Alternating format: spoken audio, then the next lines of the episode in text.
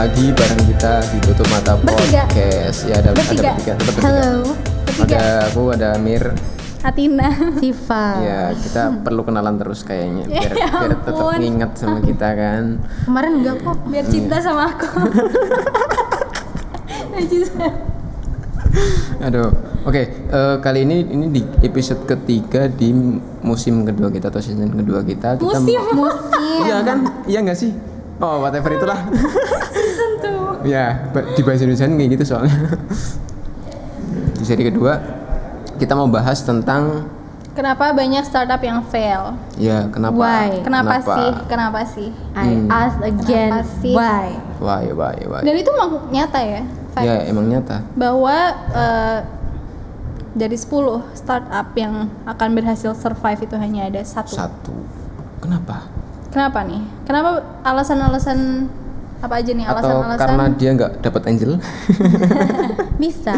Dia bisa kayak jadi, bisa jadi. eh fundingnya dia tidak mensecure funding di saat ya memang dia udah kayak kehabisan supply gitu sih itu juga bisa Oke nih faktor-faktor yang eh, mungkin awal dulu ya. Mungkin Iya. memang problemnya itu mereka ini tidak menyelesaikan masalah. ya, jadi Oh, iya. nggak solve Iya, problem sebenarnya. Iya, benar. iya dong, nggak menyelesaikan masalah. Jadi memang eh, masalahnya itu hanya di angan-angannya dia Iya, atau banyak loh yang ya ini berangkat dari permasalahanku sendiri sih gitu. Iya. Ya belum tentu orang lain itu punya masalah yang sama sama kayak kamu gitu. Emang yang mau beli kamu doang kan? iya, makanya.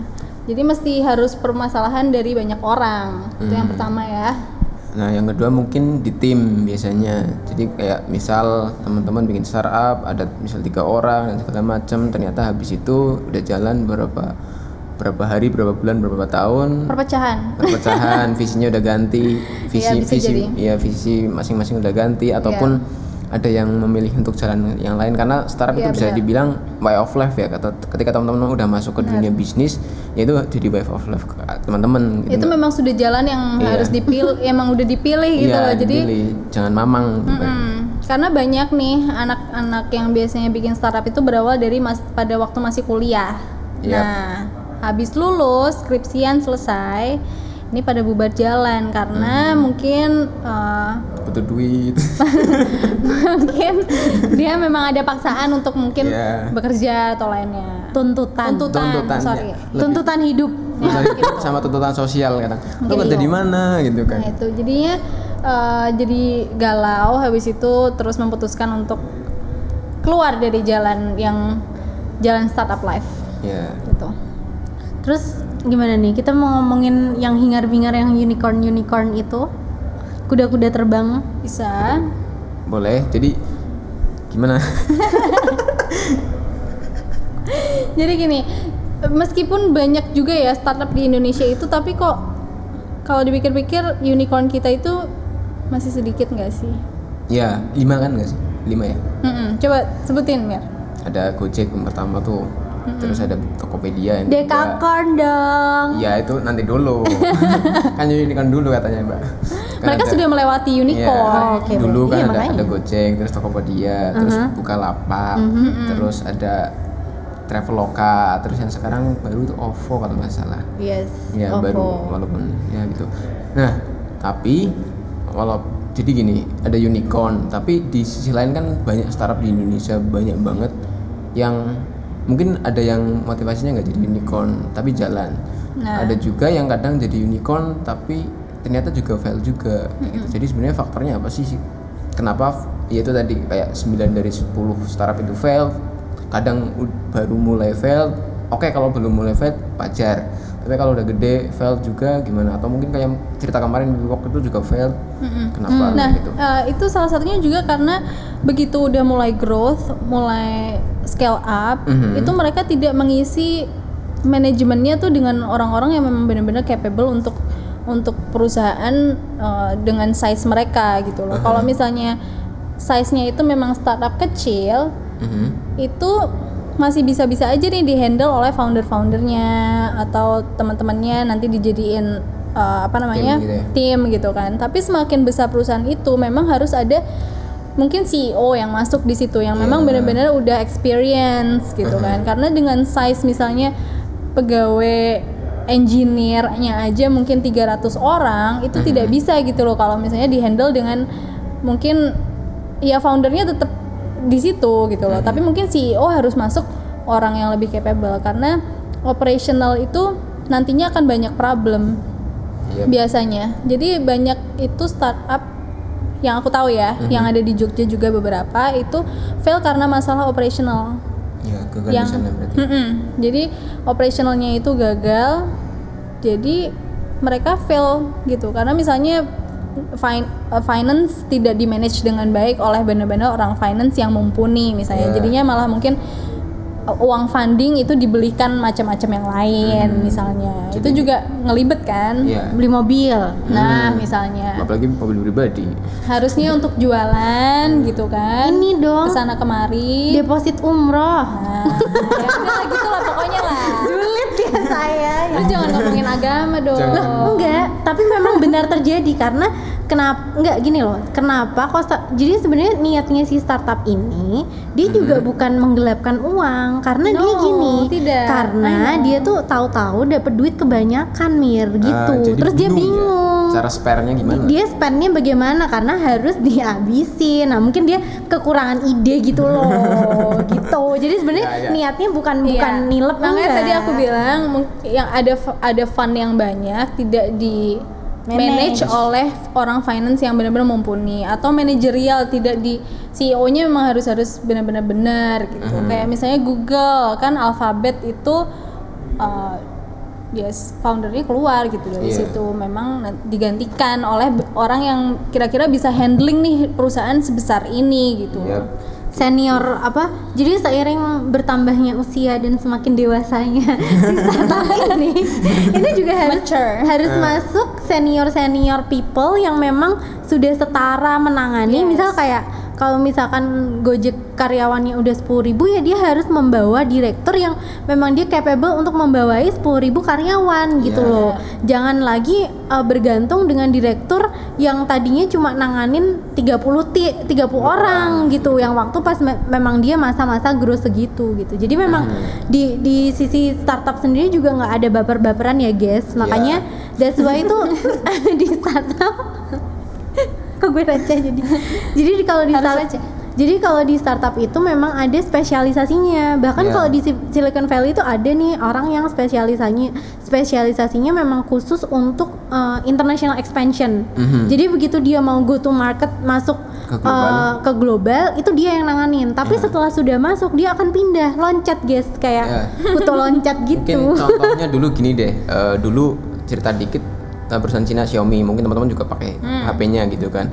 Xiaomi walaupun foundernya orang Cina, dulu tuh nge-hire Hugo Bara, Hugo Bara yang ex-nya dari Google, dia jadi jadi CEO internasionalnya Xiaomi. Tujuannya apa? Untuk expand ke eh, global, sedangkan CEO utamanya yang di Cina tetap orang Cina kayak gitu. Jadi fungsinya Hugo Bara hanya untuk gimana caranya Xiaomi itu bisa dikenal eh, secara global Iya. kayak gitu. Jadi walaupun kalian adalah seorang founder, jangan baper kalau misalnya nanti uh, visi venture capital itu nyuruh kamu CEO-nya tolong diganti, jangan kamu lagi. Itu jangan baper karena memang uh, harus ditangani oleh orang orang-orang yang memang benar-benar capable di situ. Nah, Iya. terus lanjut ya, lanjut nih ya. Uh, Sebenarnya gimana sih caranya supaya startup itu nggak fail dong? Eh, balik lagi ke tadi sih soalnya memang dari awal misal nih eh, startup mau di fund jadi gini eh, startup di di apa tuh namanya stage mana pun yang kayak kita sudah bahas minggu kemarin Yap. di eh, development stage atau di funding stage meskipun si fundingnya ini udah mau udah meskipun dia udah IPO ataukah mungkin dia udah stage-nya juga fiturnya udah banyak banget tapi udah ya down to the basic basic thing startup itu ya sebenarnya masih aja bisnis gitu. Kalau dari awal memang dia tidak bisa memasukkan bisnis model yang benar atau pada waktunya wak- waktu exit itu biasanya 10 tahun ya dari sejak Yep. inceptionnya itu kok wes 10 tahun? Kok tetap aja dia nggak bisa dapat bisnis model? Itu ya tetap aja dia bisa fail gitu. Iya. jadi nggak terus mentang-mentang dia udah dapat eh, kayak contohnya WeWork ya Iya. dia dapat mau dapat uh, billions of apa tuh namanya? Funding. funding, juga tetap aja dia bisa fail. Karena basic aja simple dilihat dari hitungan finansialnya. Jadi gini WeWork itu bisnis modelnya itu kan adalah sebenarnya menyewakan tempat di sebuah coworking space. Yes. yang itu sebenarnya simpelnya gitu. Cuma dia ya memakai software gimana caranya biar orang bisa produktif produktif di situ. Jadi kayak dia menawarkan service-service yang tidak ada lah. Kalau misalkan di di- coworking space yang Biasa. biasa. Dan dia juga eh, menangnya lagi kan dia ada di berapa ratus tempat di seluruh dunia kan Dan tujuannya untuk startup ya kan. Ah. Jadi memang beda dengan building-building yang lainnya. Ya, di dimaksudkan untuk collaboration juga. Yes. Terus sampai mungkin eh, apa tuh namanya lightingnya juga dia Ya. apa tuh namanya pakai AI, office-nya diintegrasi pakai AI segala macam. Nah, tapi simpelnya adalah si core bisnisnya itu dia menyewa suatu tempat, leasingnya itu dia langsung bayar di depan untuk lima tahun sewa. Tapi tenannya yang di situ boleh sewanya per sebulan, per dua bulan, tiga bulan. Jadi long term lease tapi disewain sama dia itu short term lease. Nah itu kalau misalkan secara uh, karena aku anak finance ya gengs, Iya, jadi itu sebenarnya risky banget. Gimana kalau misalkan itu nggak nutup gitu loh? Nah, iya. Kalau misalkan uh, tenanku itu dalam setahun nggak mencukupi pembayaranku untuk yang setahun itu. Nah itu kena diakibatkan karena si WeWork itu nggak mengetahui si industri apa tuh namanya renting dengan Ya, benar gitu. Jadi ada industri sama domain knowledge. Mungkin bisa ada yang nambahin. Mm-mm. ya mungkin kayak gitu Eh, tapi gini kalau kalau ini kalau kalau tadi kan soal startup itu yang udah udah udah udah growth ya yang fail udah growth gimana terus sebenarnya kan ada istilah juga namanya dead valley itu katanya eh, startup fail ketika di Memang eh, resikonya itu paling di di tahap-tahap awal gitu kan nah resikonya apa? paling besar tuh di situ. biasanya faktor apa sih yang menyebabkan Itu tadi sih yang yang banyak yang udah kita bahas tadi kayak misalnya problem, Mhm. problem tidak menyelesaikan masalah dan lain-lain. Tapi eh, kenapa sih di menurut kita juga ya itu kenapa sih dapat angel investor itu juga sangat menolong gitu loh untuk Iya. untuk supaya startup itu nggak fail atau ikut program inkubasi ataupun akselerasi itu akan sangat membantu startup untuk supaya dia nggak fail itu salah satunya juga karena misalnya nih angel investor itu akan membukakan networknya dia. Ya dan biasanya angel investor itu akan memilih startup atau mendanai startup yang kira-kira tuh align dengan bisnisnya yang sudah ada. Jadi kan kalau misalnya angel investor itu kan mereka biasanya pengusaha ya. Ya pengusaha. Sebelumnya itu memang dia sudah punya usaha biasanya serial entrepreneur atau memang usahanya sukses sukses banget. Nah itu dia mau mendanai yang kira-kira align align tuh apa sih kayak berkesinambungan iya, ya. maksudnya berkesinambungan. masih Ada ada, masih nyenggol-nyenggol sama Ah. bisnisnya dia ya gitu. Jadi dia bisa ngarang-ngarahin bisa ngasih uh, wisdom ya ngasih apa namanya networknya juga. Kira-kira kamu harus ke sini kamu harus ke sini gitu. Oh, ataupun kadang perusahaan juga yang punya inkubator biasanya mereka itu ngasih eh, kayak akses ke marketnya dia Nah, kayak gitu jadi teman-teman nggak terlalu sibuk atau nggak terlalu pusing gimana cara cari market yang gede kayak gitu. Strategic partner sih. Iya, iya jadinya strategic partner. Karena memang startup Jatuhnya. startup itu kan dikelola oleh anak-anak muda. Mhm. dan biasanya itu keba- mau startup itu malah yang eh, membuat itu adalah orang-orang teknologi which is dia memang nggak punya kenalan orang di bisnis. Nah itu makanya kenapa fail gitu. Jadi karena memang memang nggak ada circle-nya nggak tepat aja gitu. Iya, ikut perlombaan tuh juga hal yang bagus ya satu Iya. sisi, tapi juga